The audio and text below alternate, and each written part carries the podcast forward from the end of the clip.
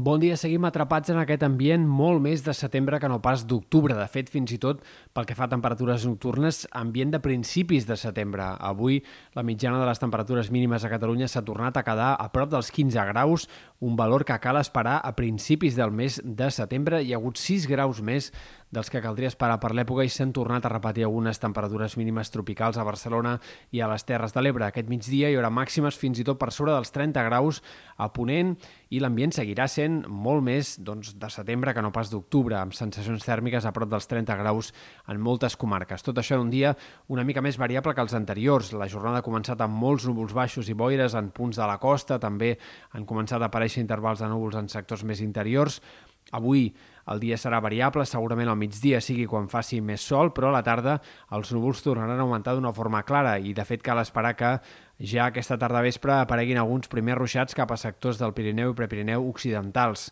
sense descartar també alguna gota al Montsec o també en punts del Pla de Lleida.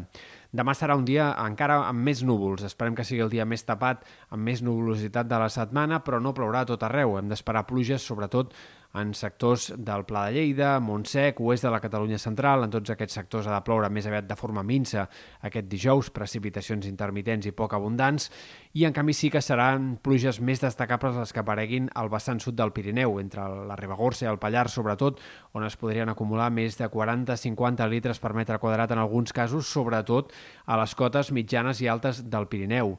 Eh, per tant, precipitacions destacables, però només en un petit grup de comarques del vessant sud de la serralada pirinenca.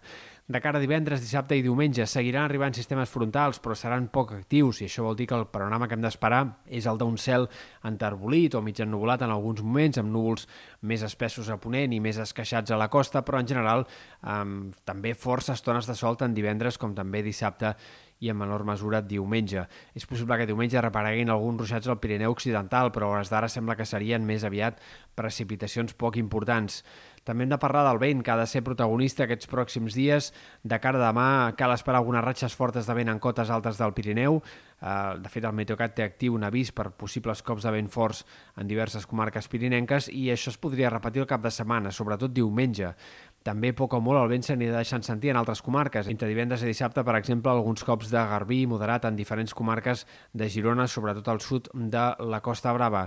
A llarg termini no hi ha gaires expectatives que les pluges d'aquest dijous puguin repetir-se en aquest tram final del mes d'octubre i, per tant, som pessimistes pel que fa a la possibilitat de noves tongades de precipitacions com a mínim fins a tots sants i tampoc no sembla que el fred hagi d'arribar d'una forma decidida. La setmana que ve eh, segurament no serà tan calorosa com aquesta, però ens estabilitzarem amb temperatures igualment més altes del que caldria esperar per l'època.